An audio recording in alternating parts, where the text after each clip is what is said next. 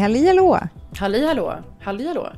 Ska vi hålla upp fasaden av att vi inte har gjort en timmes poddavsnitt om Game of Thrones redan? vi är så fräscha och så... Nej men nu, jag tycker att det känns kul. Vi är igång! Vi är igång. Vi är igång. Och alla ni som för- har ja. sett Game of Thrones veckans avsnitt, ni kanske förstår att vi eh, var tvungna att prata om det först, innan vi spelade in vanlig podd. Eh, och det får ni jättegärna lyssna på. Eh, det är väl allt. Att det skulle vara någon prioriteringsordning för oss menar du? Att Nej, men alltså jag menar, det var ett pressing issue, helt enkelt. Ja, Ja. verkligen. Och för er som inte har lyssnat än så gör vi alltså en specialpodcast om Game of Thrones den här sista säsongen. Så för varje vecka så gör vi en, eh, en podd, ett poddavsnitt bara om det som ligger liksom parallellt med våra andra på, eh, på vår podd, vår poddsida. Jo. Var ni nu lyssnar. Det vet man ju inte. Nej.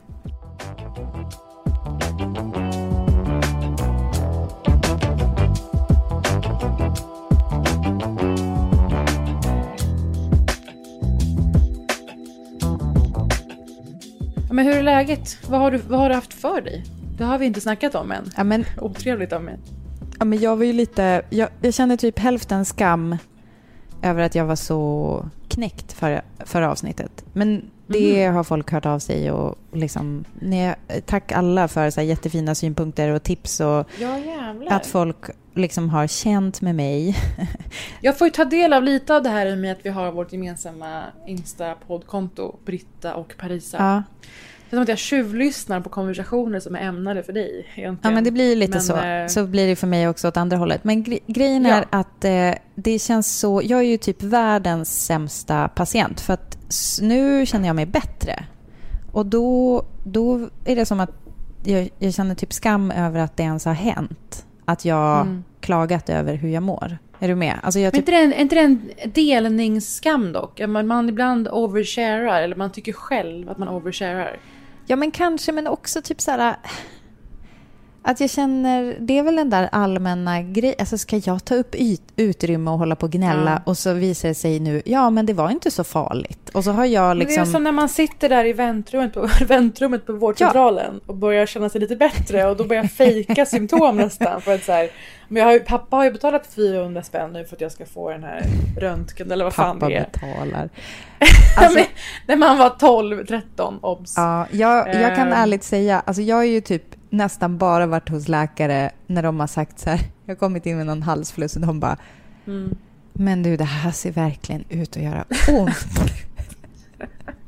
alltså Jag har ju kommit, jag har drar kommit in för, eh, jag kom in för torra ögon en gång. Jag har så torra ögon på morgonen. Och hon tittar på mig och bara, ja, så när man är nyvaken så kan det lätt vara så. Ah, okej, ja. Så. Hon bara, har du, testat, har du testat att blinka en gång? Du bara, nej, jag ska testa det. Ha det bra. Ja men typ den stämningen eh, har jag haft ibland, absolut. Nej men alltså som skattebetalare Parisa, jag känner, Mm. jag känner att jag jag känner att jag är starkt emot. Har du slutat med det här beteendet? Oh ja, men nu är jag ju på ditt läger. Herregud, vad du känner ju till min me- medicinska historik. Jag har ju haft alla utbrändhetssjukdomar man kan ha de senaste tre åren. Men du böjde tillbaka varit- dem in i kroppen jag har varit utan medicin. hänsynslös med eh, min hälsa snarare. Ja. Ehm, på tal om det Ja. så är jag i New York den här veckan. Kom hit eh, i helgen och eh, gör ett jätteroligt reportage och lite annat när jag är här. Det kommer komma i, eh, i L faktiskt. Senare i sommar. Det är ganska kul. ja, det är kul. Det handlar lite grann om eh, mitt kärleksintresse för CBD. Eh, Ditt och Kim det Kardashians gemensamma. Just det, Hon har- hon hade ju en, en baby shower med tema CBD. Alltså det icke psykoaktiva ämnet man utvin, utvinner ur hampa. Marijuana. Helt enkelt. Hampa säger jag. Ja, det- jag Jag hör att du säger hampa, men jag I säger linje marijuana. med olika... Ja, du kör, du kör på Ja, men bara. det är bra. ju tydligt. Alltså typ alla, alla, alltså på Kim Kardashians baby shower så hade hon ju också typ så här flower arrangements med den ganska klassiska växten vi alla känner igen. Men det den är ju den den växten. kallar inte vi för- Absolut. Ja, men det är inte som att vi bara, åh, har hon lite hampa i buketten? Det är inte det vi tänker Parisa. Snälla då. Ja. Men lite sånt gör jag. Det är intervjuer och det är besök och det är allt möjligt. Mm. Eh, och när jag kom hit i helgen. Det har varit så pissigt regnigt väder verkligen. Eh, så det känns väldigt filmiskt. Eh, när jag kom hit i helgen stod jag på Newarks eh, flygplats. Det är den sämsta. Nej, oh, jag tycker De, det är den bästa. de, de båda lättaste. är ju katastrof. Nej, men jag tycker Alltså, den... det, det är ju... Den har fula heltäckningsmattor. Vet vet du att Newarks, fast nu tror jag de har bytt ut den, men Newarks heltäckningsmatta hade längre länge en egen Facebook-sida. Eh, för att den är så jävla ful. Men eh, det är det som, jag tycker att det är lättast att ta sig till stan sen. För om du hamnar på typ JFK så tar det ju en evighet i trafik. Newark kan du åka tåg. Nu blandar du ihop. Ah, Okej, men det skulle jag aldrig göra. Men, Men eh, snälla rara. JFK är ju eh, fysiskt närmre. Eh, en taxi från New York kostar ju mycket mer för att man är ju i New Jersey. Man lämnar ju de- delstaten. Ja, men du åker Man bara, inte Britta, taxi. Britta, du åker, jag har jobbat här i två år. du åker NJ... år. Nej, men snälla, du... Säg inte emot mig på den, denna punkt. Alltså, det spelar jag är ingen roll. plågsamt medveten. Det spelar ingen roll hur länge du har jobbat där. Det, då tycker jag bara synd om dig alla, alla timmar du har sl- slösat på att sitta fast i biltrafik när du kunde ha åkt NJ Transit som tar typ hälften av tiden som att sitta i bilköer. I alla fall. Inge, inget av detta stämmer. Hör av er till mig för information om ni ska åka hit. Eh, I alla fall, jag kommer fram hit och eh, alltså angiveri, angiverisamhället har ett moment just nu återigen. Det började tidigare i veckan med att eh, Moderaterna gick ut med att de vill fängsla plankare. Har du sett det? Alltså, Ehm, alltså Alice Teodorescu har jobbat som någon slags chefsideolog på Moderaterna i bara ett par månader. Och de har kommit ut med att de vill eh, fängsla plankare och lite annat eh, intressanta förslag. men alltså, det känns ju som Alice Teodorescu. Alltså jag är noll förvånad, men det känns ju också som Mm. att, eh, att det är så här äh, överdrivet manus för hennes karaktär. Typ. ja, Det är för mycket För, alltså- elevrådsordförande. Skärp dig. Och då är ändå jag en alltså, solklar elevrådsmedlem. Ja. Men eh, det är så kul för någon kommenterade på vår eh, poddsida på podcastappen. Eh, alltså ni får gärna gå in där och recensera och betygsätta. För den här personen var rasande på att vi, hon tycker att vi var väldigt elaka mot alla som inte tycker exakt som vi. Mhm. Eh, och menade på att min liknelse med Dolores Umbridge, Ja. Dolores Umbridge och eh, Alice Teodorescu, att den var fruktansvärt elak. Dolores i Eh, Harry man bara- Potter som också eh, liksom, alltså för jag säger bara för folk som inte har lyssnat på det avsnittet och som inte kan sin Harry Potter. Eh, jag skulle inte kunna ta det namnet bara rakt av. Men det var ju också ett väldigt, väldigt bra innehåll tycker jag. När, du, när, men liksom, när vi öppnade upp för det här, eh, liksom vilka andra partiledare har eh, så här, eh, lika, likheter i eh, Harry Potter. Så det tycker jag, eh, jag tycker att vi får vara elaka även mot den som har skrivit den recensionen. Ja, gud ja.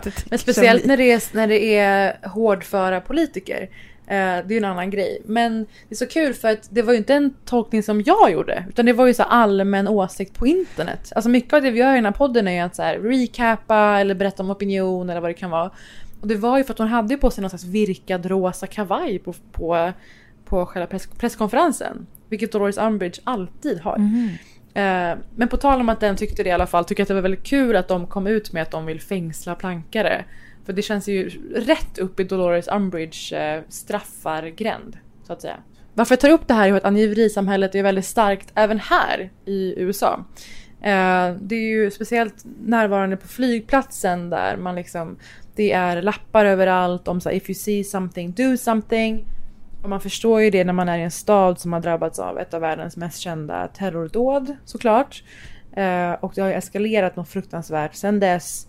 Och nu i förra veckan så var det också så att eh, USA gick in i Persiska viken med eh, flyg, eh, stridsflyg på ett stridsskepp. Så det håller på att eskalera hela tiden. Men varför jag märkte av det här är för att jag måste springa på toaletten. Måste, måste. Men jag vill ändå inte hamna längst bak i visumkön. Det är ju kapplöpning när man går av flyget. Att komma liksom långt fram i kön. För man kan ju stå där i tre timmar annars. Ja, horribel Jag har alltid, så här, jag har alltid serier i min padda laddade för att kunna stå och kolla på serier. För att det är så fruktansvärt. Får jag bara bry- Ehm. bryta in med en liten sak där? Ja, ja. Alltså, jag fattar inte det här. För att det är en flygplats. Ni vet vilken flight som landar när. Ni vet hur Mm. många som sitter på det pl- planet. Det finns så mycket information som de har och ändå bemannar de inte. Det är som att de bara, åh jävlar, nu kom det, nu kom det jättemycket folk här. Det är så jävla sjukt. Och så bara, ja, och så skickar de ut någon människa som får så här dirigera om de här äh, olika liksom VIP-banden som de liksom delar in köerna och slingrar dem annorlunda i labyrinten. Och man bara, men ni visste, ni hade ju all info. Nej, men de vet ju om att folk ändå kommer hit. Alltså, ehm, USA och New York är lite som den här fuckboyen som du går hem till gång efter gång. Även om han liksom aldrig har gjort i ordning något fint för er. Vem har berättat om middag. honom? Har du sagt det här till Kalle? Eller hur? Han får höra i podden. Men alltså, de vet ju om att folk ändå kommer flyga hit. Medan andra länder kanske gör mer av en effort för att välkomna nya resenärer. Inte då. Ehm. Får jag bara säga, när jag var, var i Sydafrika en gång och landade, eh, i, då var det en människa som, du vet den här zigzag eh, grejen då, som man, man får gå igenom den här lilla labyrinten med band. När, när den inte är Mm. uppfylld så är det ju väldigt lockande att bara glida under dem. Eller över dem. Ja, det gör man ju. Ehm, Mm. Det finns för övrigt en väldigt rolig scen i Vänner när Ross eh, liksom överväger och sen istället kutar hela labyrinten fram till Paragrafryttare! men eh, då var det en människa som genade i den. Eh, och då blev den plockad av två vakter direkt. Ja. Bortförd? Bortförd. Nej! Så att Sydafrika är inte heller så måna om sina besökare. Det, det vill jag ha klart här. Vilken stark varning. Hoppas En någon användning toppenstat i det övrigt, tänker ni? Nej, det är Ja, för sig sant. nej. Ja. Det vet fan. Eh, nej men jag förstår, man är ju nojig på flygplatser för att man är ju omgiven av liksom, ja men dels, eh, du har ju våldsmonopolet på plats, det är mycket auktoritär stämning och det är väldigt, liksom, ibland väldigt nervig stämning också, det är mycket på spel och sådär. Eh, men jag springer fram där till visumkön, jag har liksom från att jag gått av flyget försökt att komma liksom före folk för att komma fram och så här skitstressad för det här kommer kosta mig antingen två timmar eller tio minuter. Eh, kommer fram, får liksom en helt okej plats och känner då så här helvete vad jag måste på toa. Och killen framför mig ser liksom ung och skön ut. Jag tänker ung och skön. Han har på sig, han ser ut att vara 30 och har hörlurar i. Lyssnar kanske på en podd, vem vet. Ser att han ser italiensk ut och jo, det är han. Och jag chansar på honom och säger så här, hej, gud bara, förlåt. "Scusi." Eh, är det okej? Ja, scusi. Är det okej om du bara kollar min väska lite snabbt och typ drar den med dig i kön? Medan jag springer på toa. Det är precis här, det går jättesnabbt. Mm. Och jag säger det här på ett sätt som är som att det är självklart. Man vill inte få folk att börja misstänka att det här är inte är något jag vill göra. Du, det är absolut Utan inte en bomb i min väska. Kan du bara kika på Nej. den? Ja. Ja, typ den tonen. Men du, förlåt, men kan inte du bara? Mm. Ja. Och så vifta lite med handen. Och för att så här, få det att verka lättsamt. Och han är så här, ah, okej, yes, eh, okej, du vet. Eh, tar min väska och jag skutar mot toaletterna. Ja. Eh, springer tillbaka, hinner på den här lilla vändan tänker han så här, gud vad det här är the female privilege. Att jag Ja. eh, fick hjälp med det här. Eller så är det inte det. Springer tillbaka, då ser jag att väskan står liksom bakom honom. I kön. Jaha. Han skulle kunna bara dra, dra den framför sig som sin andra väska. Ja. Han tar tydligt avstånd från Ja, men han vill inte att väskan. bomben ska explodera i ansiktet på honom. Det är säkert hans moneymaker. Som italienare kan jag bara assume. Du, har du har åkt till USA nyligen. Ja. Fick du en säkerhetsfråga, den, den genomgången på Arlanda? Nej, det tror jag inte. Vadå? Om väskans När du skulle innehåll? till LA. Att de alltid frågar en massa, massa frågor. Har du packat din väska själv? Hur tog du dig hit? Ah, jag minns inte om jag fick den nu, men jag har fått, jag har fått den. Ja, Ja, det är olika bolag, olika ja, ja, ja när man checkar in. får. Ja. Mm. Ja. Mm. Eh, det är väldigt noga det där. Har någon annan rört din väska? Mm. Bla bla bla, du vet. Och i New York står det också rakt ut att så här, lå- ta aldrig över någons väska. Mm. Du har bara ansvar för din egen och sådär. Ehm, det är ju lite högspänt som sagt. Mm. Och så springer jag fram då med ett stort leende och ropar så här, tack så mycket. Och kliver under bandet och den står som sagt typ en halv meter bakom honom fast kön är liksom sprängfylld med människor. Sprängfylld. Och ehm, tar över väskan, ser glad ut och då säger han I shouldn't have done that. Jättedramatisk. Nej. Eh, Shouldn't have done och jag, what? Jag har ju inte koll på vår... i din väska? Ja, jag har ju inte koll på vår... Nej men han, I shouldn't have liksom passat den åt mig, Ja, dragit med den det. åt mig. Och eh, jag skrattar och tänker att vi har ju ingen gemensam jargong upparbetad riktigt, jag och den här personen. Nej. Men nu ska jag försöka liksom lugna honom. Och jag skrattar och bara well, ja jag vet hur det är, de är så överdrivet sura här på allt man gör. Men om vi bara säger att vi känner varandra, då kan man ju lika gärna passa någons väska för det. Alltså om du och jag skulle resa ihop som kompisar, då hade inte det varit så konstigt. Ja. Eller hur? Och så säger han But I don't know you. Eh, nej, bara, nej I det är ju know. sant. Alltså logiska eh, liksom, processen igång här. Jag bara nej, ja, I, yes you don't. I, I know. Um, but I just mean såhär, if they would say something. Återigen så säger han så säger han eh, You can't watch a stranger's back even if it's a woman stranger. Som att jag utgick från att det därför skulle vara mer okej. Det var ju det du gjorde. Och det var ju det jag gjorde. Det är hans, är det hans katolska eh, samvete också som, som plågar honom. Ja, men är det, det är hans liksom berlusconska italienska uppväxt tror jag på något sätt. Någonstans. Eh, och det... Han tvärvände mot mig sen. Från att liksom första gången vi pratade var han ganska liksom rolig och bub- alltså verkade snäll liksom. Vänta, första till gången ni under en- pratade, alltså när du bad honom passa hans väska? Eller fanns det mer Ja, som då var, han så här, då var han så här, oh yeah of course. Ja, Alltså, ja. han var absolut ingen tveksamhet. Ja. Till att han nu tvärvände ryggen emot, du vet, liksom, undvek mig resten av den här kön. Oj, oj. Och den här jävla paragrafrytteri-nationen Mm. och misstänkliggörandet. Det är ju såhär no cell phone use i den där kön. Jag tror inte han stod och fippla med sin telefon. Och på en sekund så var tanken där att jag skulle hämnas på honom. Hämnas för att, alltså, att du skulle see something och say something. Ja exakt, ropa till någon. Ja.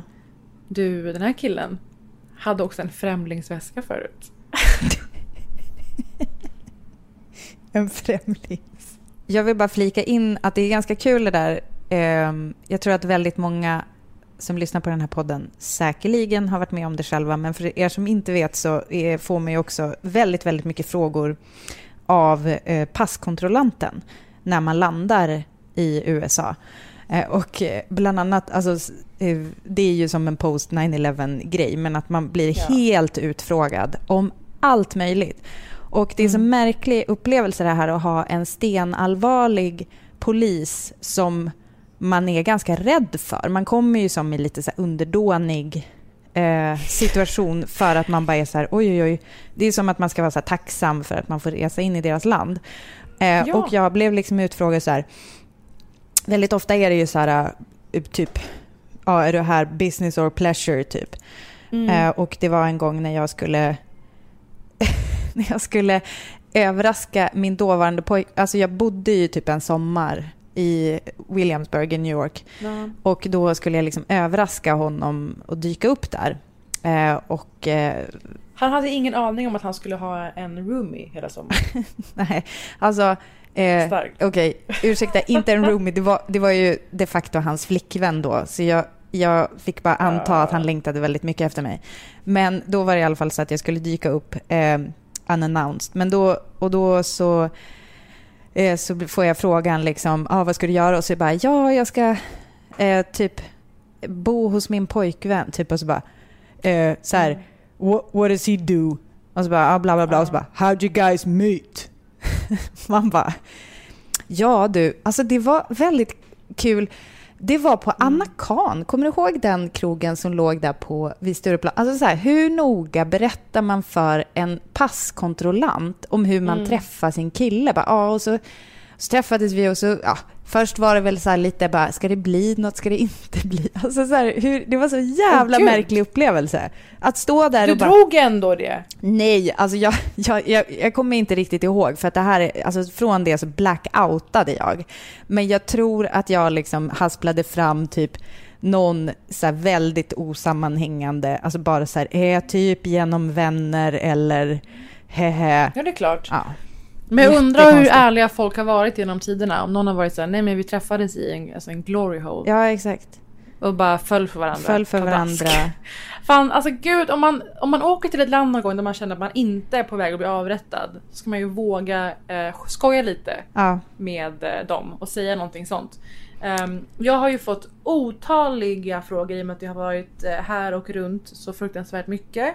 Jag har ju ändå visum, journalistvisum och får ändå frågor som är väldigt misstänkliggörande. Jag tror att det är så när man reser som en ung ensam tjej att de får starka trafficking och eskortvibbar om inte knarklangeri. Är det sant? Ja, Aha. för um, alltså, om man reser ensam, men fan att det fanns någon så här gyllene gräns mellan att jag skulle se business ut då, då passerar allt. Om jag har på mig kavaj, bara kavaj, så är de så här wow business lady och bara skjutsar i vägen. Hur informella som helst. Ja. Har man på sig någonting som de tycker är lite tight då blir det många frågor ska du veta. Men tänker du, Ehm. alltså, jag tänker att man är så jävla untouchable som tjej i det där sammanhanget. Medan typ, ja, men, men du kan absolut Nej, men ha de rätt. frågar ju saker naiv. som Vem betalar din biljett? Mm. Vem, nej, Ja, men det gör de ju alltid. Men jag det är ju det som är grejen. Ja. Det roliga, då tänkte ju han att jag var eskort. Det var det han gjorde. Men det var ju de- så här, hur har du betalat för biljetten? Vad gör din att bli- snubbe? Du är inte på väg att bli kidnappad Han bara, har du ens, en har du ens en stuga?" kille? Ja men typ. Ja. Men du förstår att folk ljuger ju på löpande band. Man har sett de här programmen som är typiskt brittiska och australiensiska. Älskar dem. Eh, Border Control Australia är det bästa man vet. Ja. det spär ju på väldigt mycket misstänkliggörandet av människor.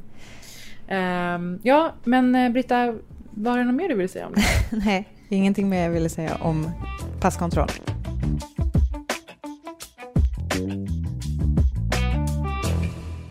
Däremot så har jag konsumerat lite olika eh, film, lite olika Oh. podcast. Vill du Ah. höra?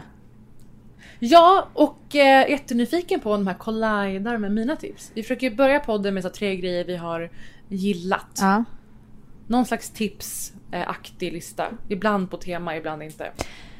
Jag börjar med vad jag har sett då. Eh, Ja. Gentleman Jack. Oh, så många av våra lyssnare har varit på oss Exakt, kolla och det på. var precis därför jag gjorde det. Jag tänkte, men dags att göra läxan. Ja. Eh, har du sett?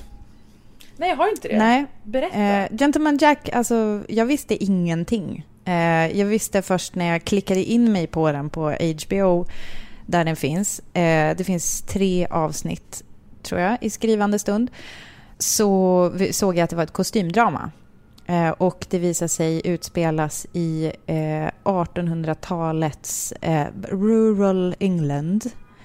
Eh, Oh. Och eh, vi får stifta bekantskap med en väldigt härlig karaktär som jag gissar är, jag har ärligt talat inte riktigt fattat vem Gentleman Jack är. Alltså jag hade kunnat googla det här men jag tycker att transparens är lite härlig ibland.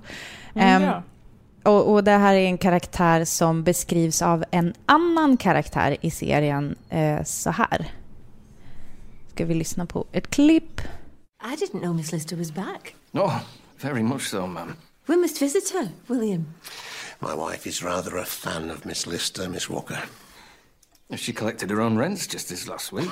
Of course she did. You see, that's exactly the sort of thing she'd do. I've always been a great champion of Miss Lister, haven't I, William? Despite what others say. You see, I appreciate her clever mind and her adventurous spirit. It is true, she isn't always as feminine as some people would like her to be, but she's an original. She's natural.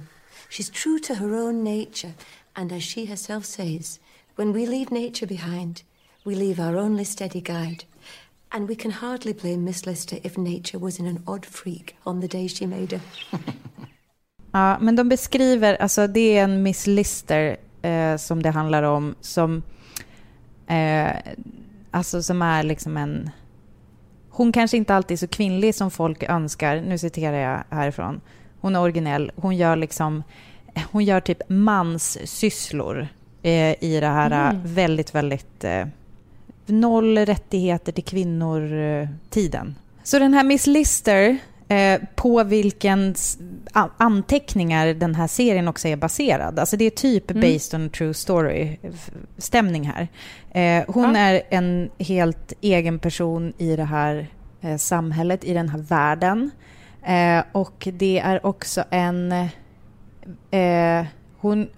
Alltså, hon vill då göra lite mer typiska manssysslor. Alltså bara en sån sak som att hon då börjar driva in hyror själv för typ egendom som hon har, fast det är liksom normalt hennes Alltså det är väl hennes farbror då som äger det på något sätt. Eh, men, men vill att hon ska sköta det. Eh, det är i alla fall en, alltså det är en väldigt mysig, jag skulle vilja säga att den är lite så här blandning mellan Downton Abbey och The Nick, om du har sett. Också en HBO-serie, Steven Soderbergh regisserad, eh, som är lite skitigare. Det är lite, ja men det är lite så här, eh, lite actionaktig regi typ. Eh, vilket eh, är ganska uppfriskande. Eh, den här Miss Lister är väldigt, väldigt intressant och jag ser väldigt, jag har bara sett första avsnittet men jag ser väldigt mycket fram emot att se mer och tack alla som har tipsat. Men TV-dags, jag bara googlade upp det här nu. Ja. TV-dags skriver att Ann Lister kallas ibland för en av de första moderna flatorna. Ja. Hon var en chockerande kvinna för sin tid. Eh, hon levde så maskulint som hon kunde. Där hon drev sitt gods och reste runt och förförde kvinnor. ja. Intresse finns! Intresse finns absolut. Och det här är på HBO gissar jag. Ja, det är på HBO. Kul. Jag, jag tycker också att vi kan säga någonting.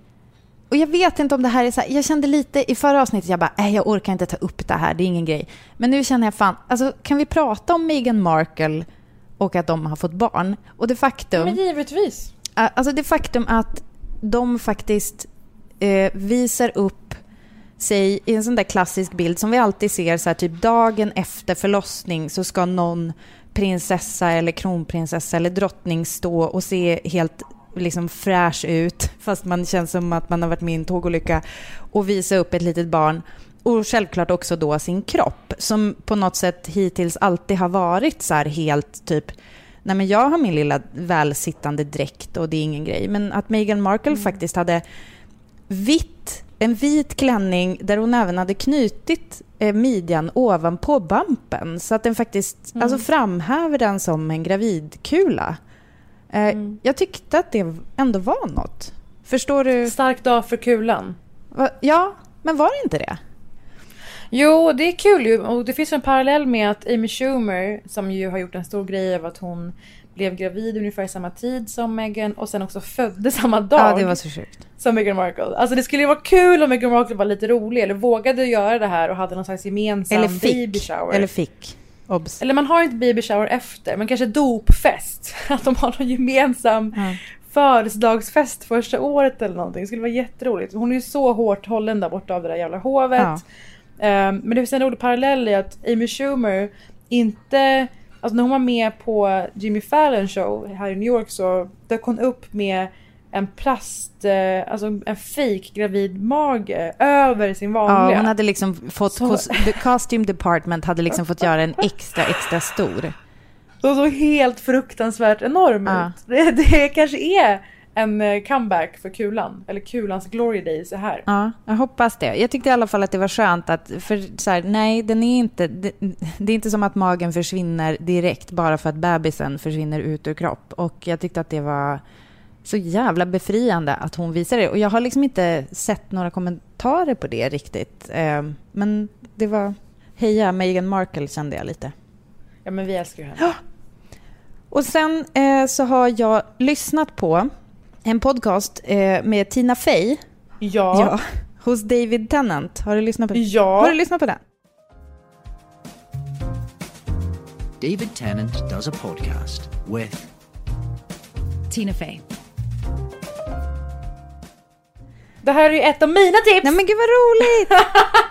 Vad kul! Men hur, eh, berätt, berättar du? ja, nej, men, Jag har en fråga, hur, hur fick du veta av den, om den här podden? Eller höra om den? alltså genom The High Low Show, helt 100%. Ja. Alltså, jag bryr mig noll om David Tennant. Men Tina Fey är ju en... Alltså, du, Ska vi inte säga vem det är? Jag vill du säga vem det är eller? David Tennant är en eh, skådis. Han har spelat mot eh, Tina Fey bland annat. Eh, och eh, most famously så var han Killgrave i Jessica Jones på Netflix, den Marvel-serien. Och så var han också med i Harry Potter-filmerna som Barty Crouch. Tina Fey och han sitter i alla fall och pratar och på ett sätt som... Alltså det var länge sedan jag hörde Tina Fey prata om sig själv och typ sin karriär på det sättet. Det var ju ändå några år sedan som Bossy Pants släpptes. Alltså där hon ändå redogör för ganska mycket av sitt liv. Men såklart har ju saker hänt sedan dess. Och inte minst så har de fått en president som är väldigt tveksam och jag njöt väldigt mycket av att höra just hennes lilla, en liten, det burstade ut en liten rant kring detta som vi kan lyssna på. Do you see it as your job to be creating the next thing for yourself? It doesn't seem like you wait for people to bring ideas to you. No, I find that it's best if it's come from you, from me, because Okay. I'm not what Lauren Michaels would refer to as a piece of casting. I was, you know, auditioned for things as an actor in Chicago and never booked anything, nev- nothing, no commercial, nothing. I'm not easily usable. So I found my way through improv and through Yeah. making up our own shows and contributing in that way. And that's how you kind of get to be in it and But but now, of course, be- Yeah. because of your vast international celebrity. mega brand. Jag tror att Tina Fey, av vad jag tolkar av hennes olika intervjuer i intervjuer, alltså text, tidningar och sånt på sistone. Att hon, liksom många andra, har insett att den paroll som många valde, When they go low, we go high, kanske inte har funkat så bra. Det var ju Michelle Obama som myntade det begreppet, eh, apropå fula valkampanjen från Trumperiet. Och nu, eh, alltså det har varit hur många domstolar och rättegångar och allt möjligt kring olika samarbetare i hans regering och oegentligheter och det är mycket bråk här kring the Mueller report. Ja. Alltså som skulle visa på oegentligheter i kampanjen mot Ryssland. Och som en undanledningsmanöver till detta, en väldigt uppenbar sådan, så har ju eh, Trump valt att eh, skapa mer liksom, aggressivitet kring andra länder, typ mot eh, Iran till exempel. Och har man sett den här Hollywoodfilmen Vice, som jag tror jag snackade mycket om inför Oscarsgalan, Ja. som handlar om vicepresidenten Dick Cheney och att den väldigt så här, komiskt men finess, alltså väldigt snyggt lyckas sätta fingret på hur politik funkar vad gäller undanledningsmanövringar. Att, alltså Irakkriget kom till för att väga upp det och det och X och Y. Alltså att hela tiden visa på eh, det samspelet är också det som VIP är väldigt bra på. Mm. Den här shitshowen i morse på The Today Show, hur väger vi upp det? Jo, vi går ut med den här kampanjen i eftermiddag. Eller att det alltid hänger ihop allting. Mm. Och det känns som att Tina Fey har börjat bli mer aktiv och kanske lite orolig inför nästa val och inser att hon kanske alltså kan, jag vet inte, påverka eller ha någon, ha någon roll i det. ja. Kanske. Men den här podden heter ju eh, David Tennant does a podcast with, om jag inte minns fel. Man kan också bara sö- söka på David Tennant och Tina Fey så hittar man den. Och det är en ganska ny podd faktiskt. Och eh, jag har lyssnat på flera avsnitt. Han har jättebra gäster verkligen. David Tennant, eh, det blir otroliga liksom avväpnade, fina, roliga konversationer. Allt ifrån samhällsfrågor till den industri han delar med dem han intervjuar. Alltså utöver Tina Fey så träffar han bland annat John Hamm. Ah. Ehm, ja, och det var ett jättekul och bra samtal om skådisvärlden och att få ett sent breakthrough. Det är bland det bästa jag vet med John Hamm, att han var så här, nästan 35 när han fick eh, Mad Men. Mm. Hans första stora roll efter att ha knegat på i 15 år. John Hamm är alltså Don Draper kan man bara flika in. Ja, i Mad Men, exakt. I remember being in rooms with Bradley Cooper, with Heath Ledger. Uh, there was a show on Fox that came down to me and Heath Ledger. right. Heath Ledger got it. Uh, and I remember thinking, like, who's going to hire an Australian? this is crazy. Uh, turns out Yeah. a lot of people want to hire Yeah. Australians. Han berättade att han var ju liksom Ellie Kemper, alltså Kimmy Schmidt eh, på Netflix. Han var hennes eh, skådislärare när hon var liksom 16-17 år är det gammal. sant? Vad roligt. Och- Älskar den och typen av trivia. Alltså, men kuriosa! Ja. Alltså personen som fick honom att flytta till LA och testa att bli skådis. Det var Paul fucking Rudd. Jaha. Vadå? För Nej, att men de alltså, typ var var- kompisar? Eller? Ja, med kompisar via någon roomie till någon, alltså bara så på en märklig lång väg. Gud, jag ska lyssna Eh, på det för att han är, ja. alltså jag tycker ju att han är så fantastisk i komiska roller och det har ju faktiskt Ja. eh, inte minst Kristen Wiig lyft i eh, Bridesmaids. Eh, men Mm. eh, det känns som att Don Draper är liksom verkligen bara en liten eh, skärva i hans solfjäder eller vad man ska säga. Så vad Ja, kul, verkligen. det ska jag lyssna på. Ja, verkligen. Och sen har David Tennant också träffat Samantha Bee, som är en av Åh. mina favoritsatiriker Älskar. Samantha Bee. Visst. Hon har alltså den mest liksom självlysande leveransen just nu av alla de här late night hostsen. Alltså hon är någon slags mellanting mellan John Oliver som gör ett avsnitt i veckan om så här, eh, roliga saker som har hänt i politiken och i världen. eh, och mellanting mellan det och eh, liksom Jimmy Fallon eller vilka det nu är. Eh, Steve Colbert. Hon är med och, och också är så jävla avväpnande, fint, roligt eh, avsnitt och samtal. Are you running out of new names for Donald Trump, or does that the gift that That's keeps on giving? endless. That's the gift that we just keep an ongoing Google Doc. You do? Yeah. You can just dip into course. it anytime. Yeah. Mm-hmm. I particularly liked Hateful Vortex of Hot Tub Gonorrhea. Isn't that was that a nice? beautifully It's crafted. beautiful. Yeah. It's, it's so apt. Och Samantha Bee var också en korres- korrespondent i The Daily Show under många år. Alltså John Stewart eh, Bliss. Under hans glory days. Ja. Eh, men nu löper vi nästan sömlöst över in i mina tips om det är okej. Jag kör. Eller? Mm. Ja, för ett av dem var just den här David Tennant-podden med just Tina Fey. Och Tina Fey är ju lite här och var också i eh, media på grund av att hon har varit med och gjort den här Wine Country. Har du sett den än? Alltså jag har ett jättelångt prat om Wine Country. Ja men då så, bara eh, säga det för jag har inte sett den nämligen men jag ser nog fram emot det här samtalet. Ja. Eh, Så hon är lite överallt på grund av det. Och det är även Amy Poehler och så vidare. Och det är kul, att de, det är kul när de släpper grejer, man får liksom träffa dem igen på något sätt. De dyker upp, tillgängliga. I just want this to feel like a regular vacation. And somewhere in there, I'll just slide into 50. What is that? Molly. I did Molly in college, but she went back to her boyfriend. Det andra tipset. Det här såg jag när jag liksom återigen var på väg in till stan från flygplatsen. Och blev så jävla ställd att jag inte kände till det här. Jag tänkte men Britta måste veta. Om jag säger så här. eh, heads will roll. Vad säger du då? Nej, jag vet inte. Nej. Jag åker alltså förbi en enorm jävla billboard.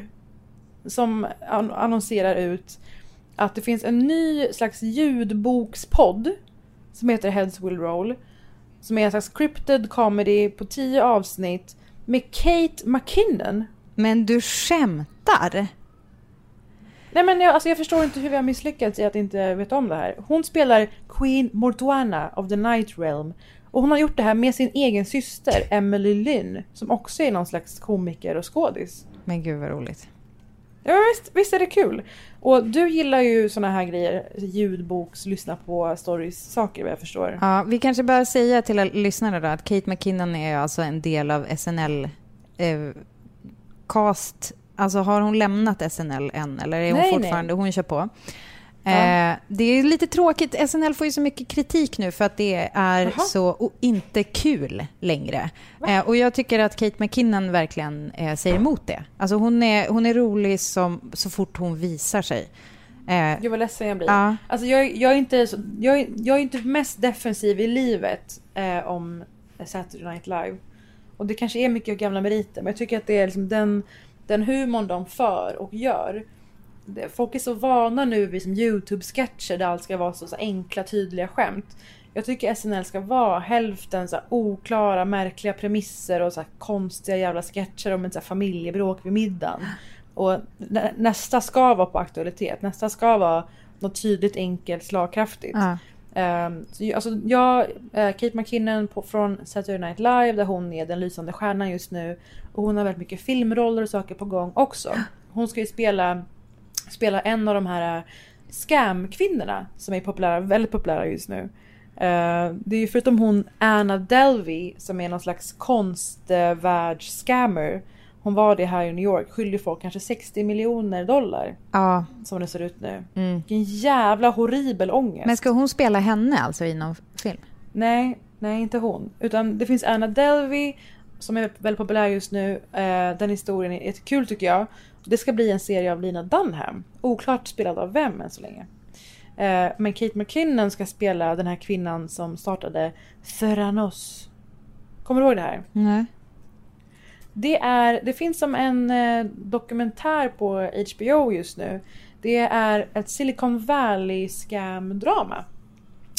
En kvinna som heter Elizabeth Holmes med så här upp, uppspärrade ögon och så här frasigt blont hår. Alltså Kate McKinnon ska spela henne och är som gjord för att spela henne. Det är så roligt. Um, hon blev väldigt känd för att hon, jag tror att det var, uh, jag ser här att det är 9 billion pounds, vad det nu är i dollar. Typ samma gissar jag. Uh, hon kommer antagligen fängslas i 20 år, det är pågående rättegång och dokumentären på HBO visar hur hon scammade Silicon Valley för att göra det här fake-blodet som är idén i den verksamheten, Theranos.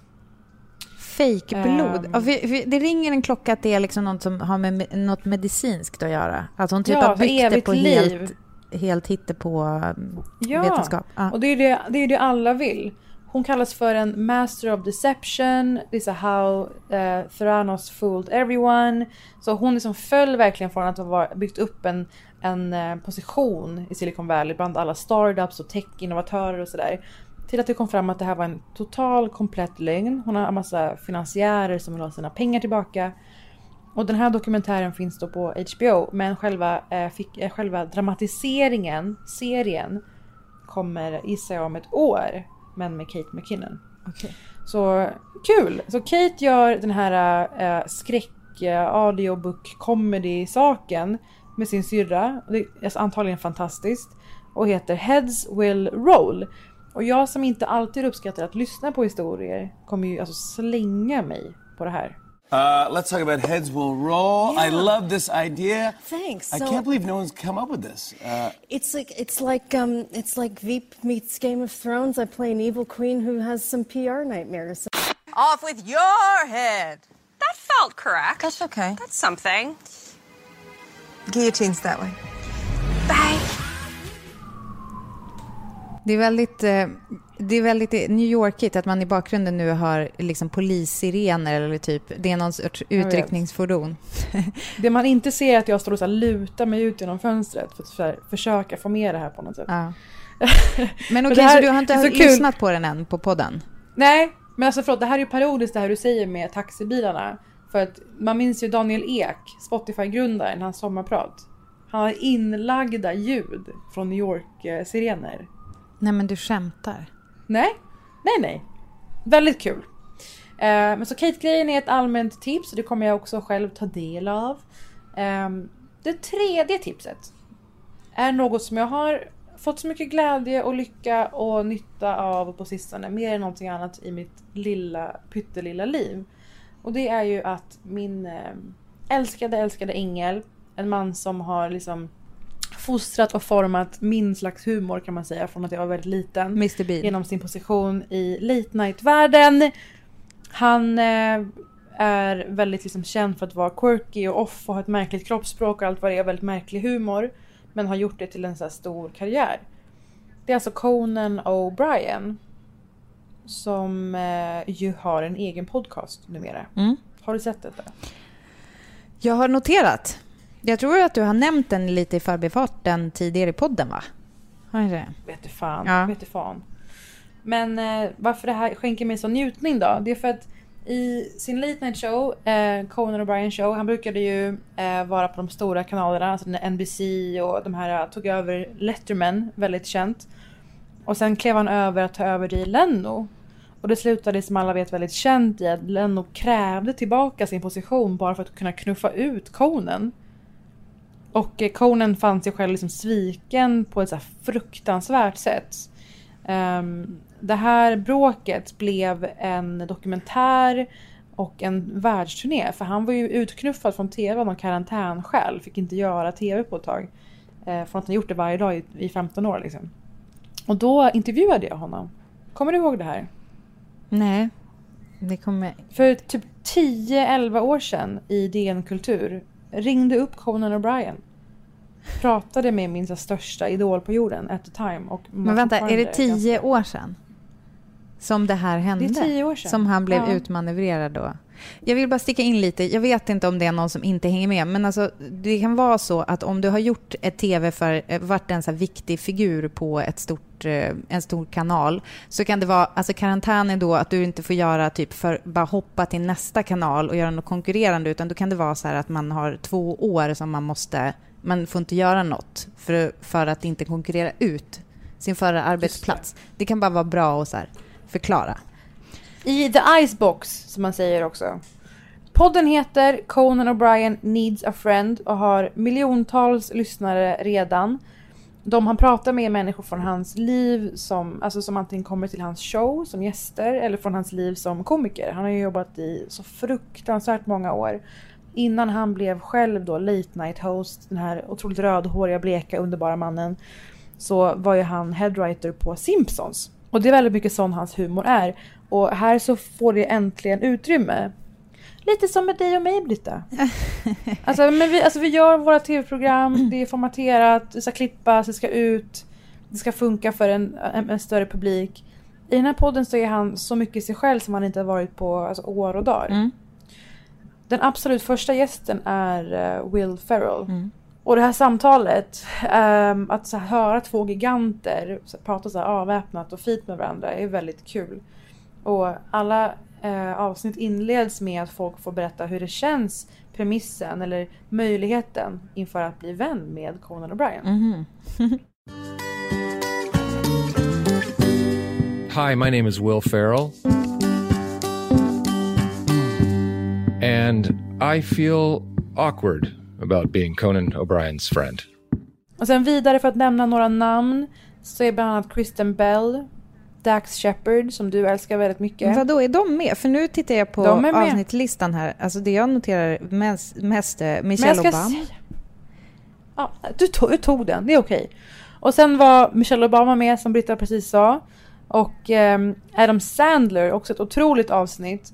Adam Sandler har ju blivit, alltså fått så uppskjuts på något sätt sista året för att han har blivit lite mer, lite mer kri- kritiskt omfamnad. Han gjorde ju den här väldigt liksom, eh, experimentella, fina, quirky Netflix-specialen, Fresh. Där han liksom, liksom renade sig från flera år av att ha gjort dumkomedi egentligen. Och så var han också eh, host på Saturday Night Live förra helgen och gjorde fruktansvärt fin hyllning till Chris Farley, en, en humorlegend som eh, dog av depression, alltså eh, i att ta livet av sig.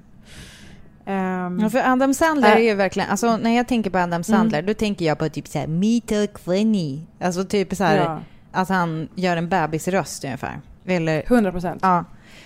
Men två, några lysande avsnitt bland alla de här människorna.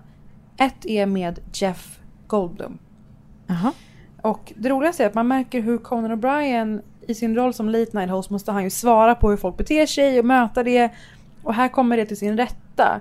Han liksom möter folk och liksom får dem att känna sig roliga och då blir det väldigt mycket roligare. Okej. Jeff Goldblum är ju känd för att vara den här otro, otroligt märkligt så här, kroppsspråk, sätt att prata. Det är så märkligt sens, han är så sensuell på något sätt.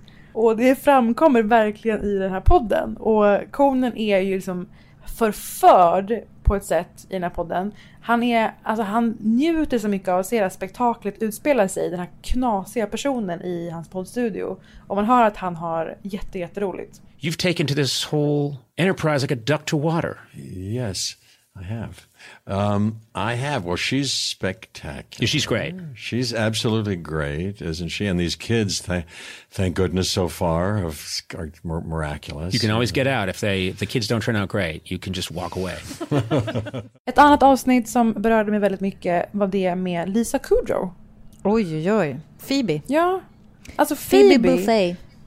Phoebe Buffay som eh, var med då i Vänner och fick liksom den rollen och blev mer eller mindre Phoebe efter det. Det är en sån karaktärsdanande roll på något sätt. Eh, på gott och ont. Eh, och sen så har ju hon gjort den här serien The Comeback. Som någon slags pseudo semivariant av sig själv. Där hon försöker göra en comeback efter att ha varit en enorm liksom, sitcomstjärna. Och det är svårt att, att skaka av sig den imagen. Och där, är ju hennes, eh, där ligger ju hennes livsmästerverk i The Comeback. Det är där hon gör det.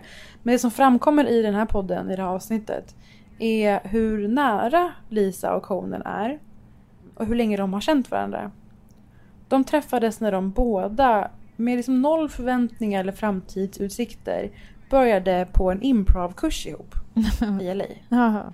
Alltså blir man inte rörd? Jo, fint. Var det på Det UCB fint. eller? Ja men typ in, nej de kommer inte ens in på någon av de här. De Nej. får gå på någon sån skit, eh, de tar, pratar om det. Vi var för dåliga för att komma in på de här riktiga utbildningarna. Eh, och det är så fint att höra att två personer som man nu ser utifrån har allt. liksom har en enorm karriär, deras legacy kommer leva vidare.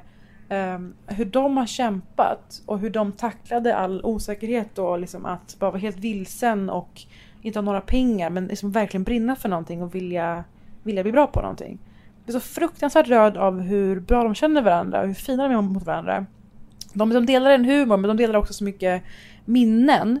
Um, och man hör att uh, Lisa är en så här super go-getter och Conan är liksom en aspig cyniker. Så här kan det låta. Hi, my name is Lisa Kudrow. And I feel tired about being Conan's friend. Was that the week of the pilot? You, you. The week of the f- pilot was sort of, you know, there were these moments of, see, yeah, no, that doesn't help. We need to figure out, we need to figure out how to justify why all these people are friends with Phoebe. and I was like, here I am. Och sen är det fler namn som till exempel Ben Stiller och Jimmy Kimmel. Där man kommer de här två gobbarna närmre på något sätt. För de spelar ju båda, alltså Ben Stiller spelar ju också dumkomedier ibland. Eh, Har tagit sig in mer i drama nu, inte minst med den här lysande serien för Showtime. Som vi har snackat så mycket om. Eh, Escape from Dannemora Ja. med Patricia Arquette. Ehm, men man, man får verkligen som, se hans konturer äntligen. Samma med Jimmy Kimmel som liksom intervjuar filmstjärnor i tio minuter i sin show. Det blir väldigt liksom en liten, litet spektra av en person på något sätt. Och den här veckan så var en av mina älsklingar, och din gissar jag. Hur känner du för eh, Bill Hader? Nej men eh, faktiskt, alltså jag känner ljumma känslor för Bill Hader. Ja, vad fan? Ja, det är faktiskt Du, varför så. då? Nej men eh, alltså... Jag vet, alltså nej, det, jag kan verkligen inte säga att det är någon älskling. Ja, men berätta gärna, alltså jag, vill, jag vill inte ta bort från dig att du älskar honom. Nej, nej, jag är Nej, men jag tycker liksom men- inte att han är, alltså... Alltså, it doesn't spark joy, typ, hos mig. Och då har jag Nej, ändå okej. tittat goda avsnitt på hans HBO-serie. Vad heter den? Ja. Barry. Barry, exakt. Och gillar den. Alltså liksom. Barry, ja, Barry Men- är så här workplace comedy i ish där en kille jobbar som eh, torpedo hitman, alltså Barry. Eh, så man, man får en rolig inblick i det, det karriärsvalet. Men slits med att han egentligen vill bli skådis. Ja.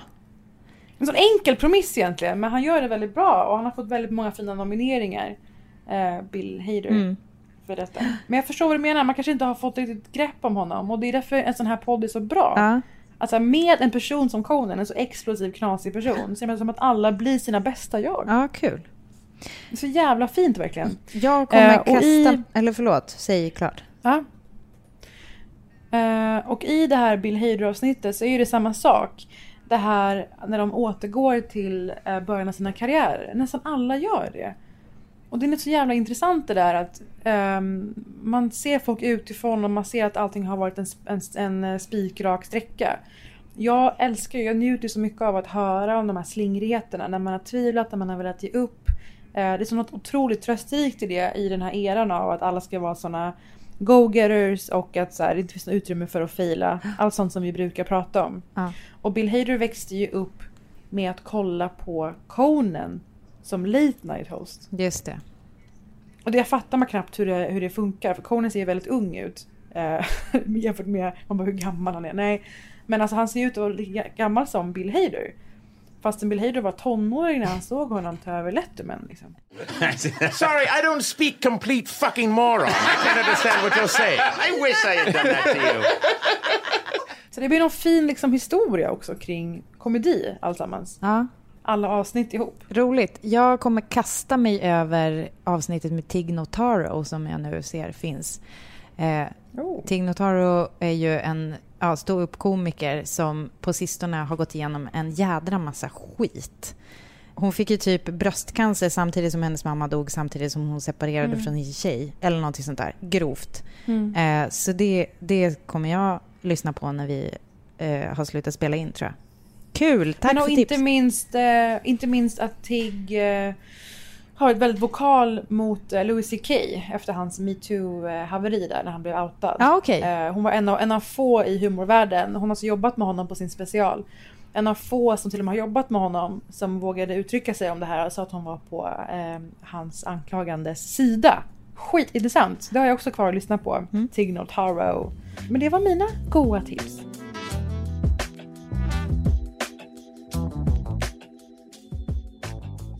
Ja, jag dyker rakt in i eh, Wine Country. Ja! Alltså, men så- alltså, jag var här, helt säker på- First off. Ja. Ska folk vara rädda för spoilers? Inklusive Nej. jag. Nej, det tycker jag inte. Men jag var Bra. helt säker på att du skulle ha sett den. Jag, kände som så här, jag bara, "Nej, det är ju Mm. självklart att vi kommer prata om det. Men, men grejen är Men att... jag ska bara veta varför. Alltså när jag ser så mycket fram emot någonting och det är för att jag älskar så många människor i den här ensemblen. Ja. Då, då som laddar jag inför rätt tillfälle. Ja. Till överdrift nästan. Så det är det som pågår. Ja, jag förstår. Jag ska se. För mig var det ladda, ladda för rätt tillfälle, kunde inte hålla mig, tittade. Nej. Tittade. Eh, jag, jag, jag, jag basunerade ut, jag kommer titta på det här ikväll, antingen är ni med mig eller emot mig. Eh, och så såg jag den tillsammans med min man faktiskt, sjukt Ah. nog. Det var ju väldigt intressant att han... KZW. Ja, The KZW gjorde mig eh, sällskap i den här tittningen. Parisa, alltså jag vill inte spoila den och det kommer jag inte göra. Men, Men berätta vad det är. jag är besviken. Men berätta vad det är för film. Ska jag berätta det först? Eh, Nej men folk, ja, ja, jag okej. tänker det. Varför då denna pepp inför en film undrar ni? Jo, därför att det är Amy Pohlers regidebut eh, för Mm. en film som hon spelar i och eh, manusförfattat eh, tillsammans med, höll jag på att säga. Fast hon, jag tror inte hon har varit med i manus överhuvudtaget. Men det är liksom ett gammalt SNL-gäng med brudar Mm.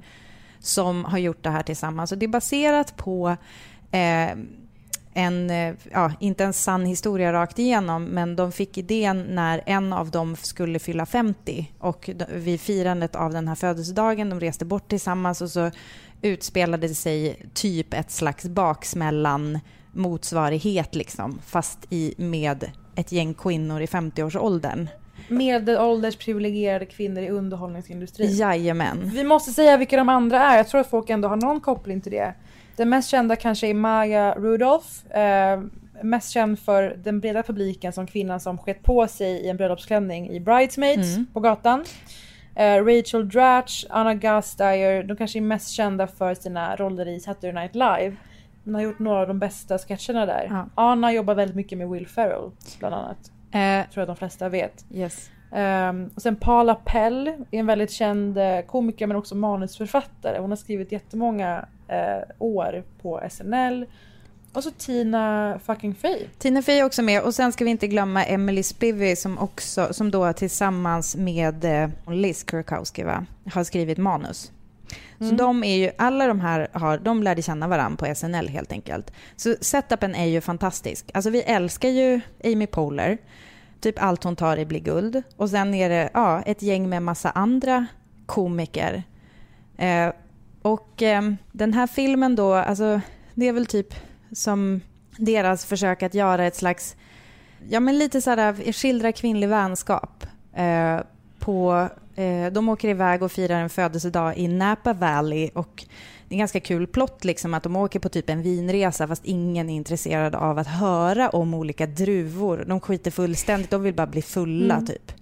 Eh, och det, ja, det, det är liksom någon har med sig lite knark och, och så sen så håller de på och battlar med sina privata issues då såklart, liksom under det här och kanske också Kommer deras- till ytan. det kommer såklart upp till ytan. Lite olika. Det är karriärsrelaterat, det är hälsorelaterat, det är Mm. familjerelaterat och så vidare. Ehm, och det finns en eh, väldigt fin ambition att vilja så här, dels visa jävligt mycket garv, om man garvar. Eh, men också då liksom någon slags, eh, så här, ja så här, är det, så här är det för kvinnor i den här åldern och det kan väl få vara med i en komedi. Vilket det absolut kan. Eh, det som är grejen är bara att jag blev väldigt besviken. Jag, det är ju liksom... Och jag tror att jag kan säga det utan att spoila, eller jag, jag lovar att jag ska göra det utan att spoila. Men det som jag känner, som vi också har tidigare pratat om i den här podden ganska mycket, det är ju den här grejen hur kvinnor ibland måste uppfinna sin egen arena för att få vara eh, typ exakt allt de kan vara. Alltså vi pratade tidigare om Issa Rae som har eh, skrivit sin egen tv-serie. Eh, Insecure för att få liksom, ja, det var liksom hennes, alltså hon blev inte ka- castad till några roller eh, Mm. så då bara, ah, okej, då skriver jag en egen serie. Eh, och eh, det kanske också finns här brist på intressanta roller man ens vill ha, typ. Eh, och eh, det känns ofta som att det är lite så, eh, utifrån den här podcasten med Tina Fey så pratar hon också ganska mycket om att hon har aldrig riktigt varit någon bra person att bli castad. Men när hon skrev egna Nej. serier så det tycker jag var superintressant med den intervjun. Att hon liksom... Ja men alltså att hon liksom typ aldrig gått på auditions och sånt där utan att hon bara, nej men hon måste liksom skriva sitt eget material. Ja, för Eh, att få göra någonting. Ja, men precis. Ehm, Och då tänker man ju att i den här filmen, där det då finns eh, manusförfattarna eh, och regissören är alla liksom eh, kvinnor som gillar att slamsa och ha kul. Och vi har ju också pratat om hur härligt det är när de bara står på en scen och typ interagerar med varandra. Man vill aldrig sluta titta. Och då, alltså Mm. när de har gjort det på så här awardshows och sånt. Eh, Det är tyvärr... Men jag såg ju eh, Rachel Dratch, Tina Fey och Amy Poehler på ett 20-årsjubileum av Amy Poehlers improvgrupp här i New York förra sommaren. Är det sant? På, jag, jag köpte biljetter till Carnegie Halls 20-årsjubileum av den här väldigt kända improvgruppen. Upright Citizens Brigade. ehm, den heter Asscat Jaha, och är okej. en del av UCB. Ah. Eh, Amy Poehler var ju med och grundade det här företaget ehm, UCB som finns i flera städer. Och eh, jag köpte det här till Carnegie Hall och bara kul att få se Amy. Och vågade inte ens tänka mer på vem fan mer man skulle kunna se. Nej. Så sitter man där uppklädd på den här otroligt pampiga lokalen och Tina Fey stolpar in. Alltså min så här, men så här idol på jorden liksom. Ja.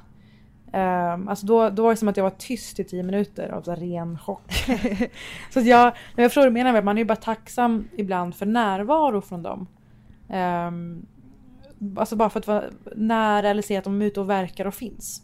De Ja. står och flamsar på scen som du säger, eller står och drar skämt.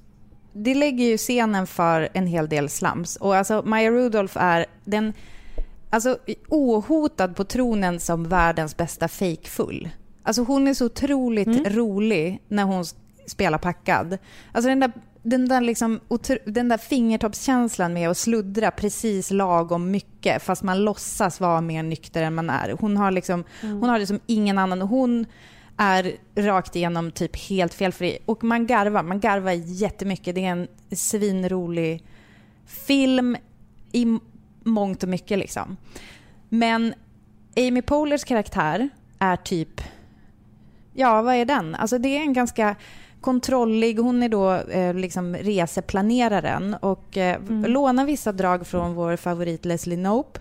Men hon är liksom Mm. inte, alltså hon är inte hela vägen där utan hon är väldigt mycket en typ straight girl i det här. Ehm, men som såklart har ett litet kaos som, som kommer upp till ytan också. Men jag, jag känner att jag saknar, jag saknar det där dumma, liksom, slamsiga. Det, det är som att den här... Det känns som att den är gjord lite grann med, eh, inte med vänsterhanden kanske, men, men kanske lite för mycket eh, snusförnuftighet. Liksom. Alltså det, Ja. jag gillar dem när de Duktig. slamsar. Ja, den är duktig. Eh, Och eh, eh, Tina Feys karaktär, eh, hon spelar en, hon har som en biroll. Hon, hon spelar en vaktmästarroll som kommer in och ibland så vill man aldrig att hon ska sluta och ibland så känner man typ att hon är helt felkastad. Eh, så det är liksom, det, hela min, alltså rakt igenom ser, eh, hela filmen så måste jag säga att jag kände mig ändå ganska besviken. Men det beror nog också på väldigt mycket mina enormt höga förväntningar Ja, innan. ja. Så att på ett sätt så tycker jag lite grann att jag just nu gör dig en tjänst genom att sänka förväntningarna lite grann så kanske du har en bättre upplevelse än jag när du ser den.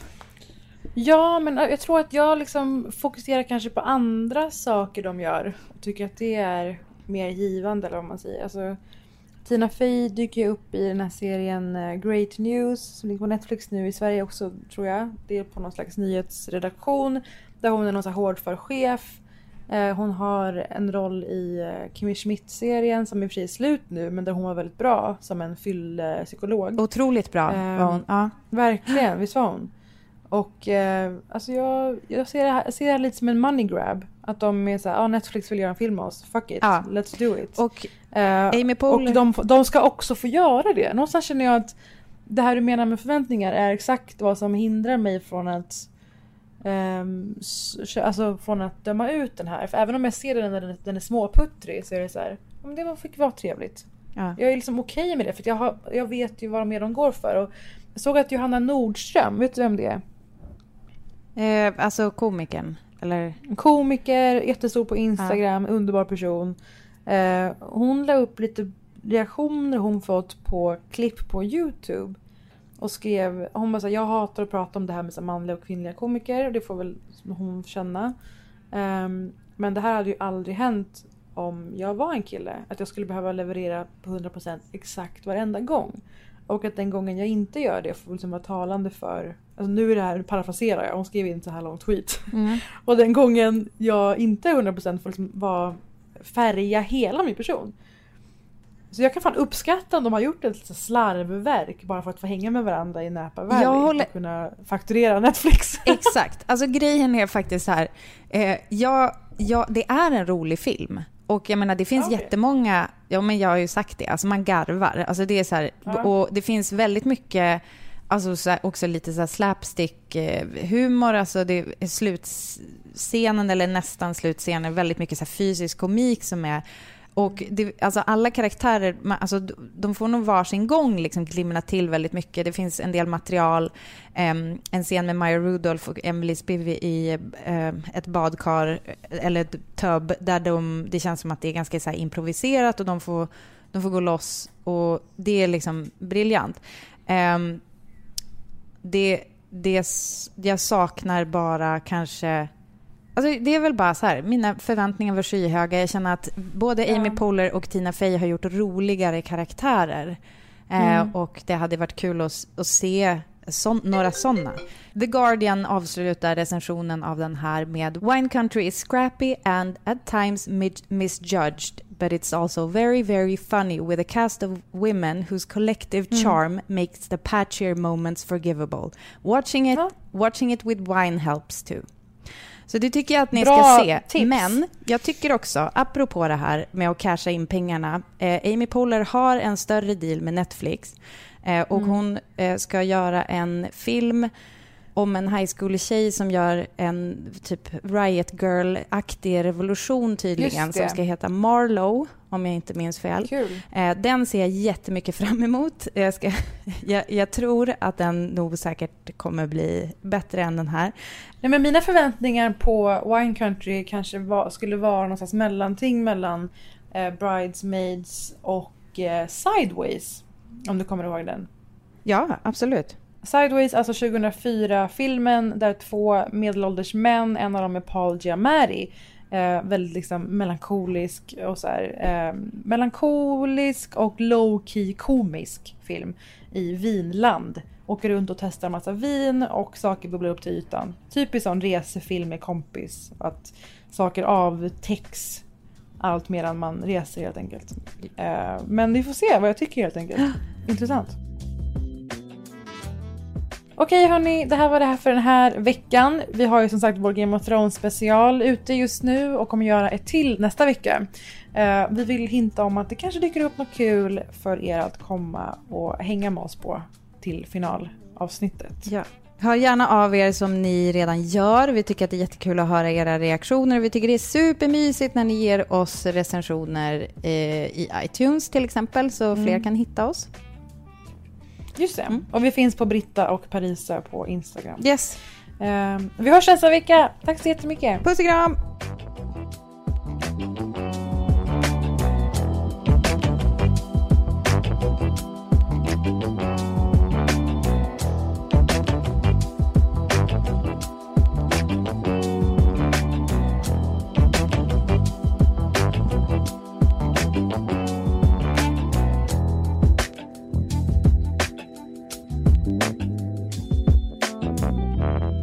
En podd från L.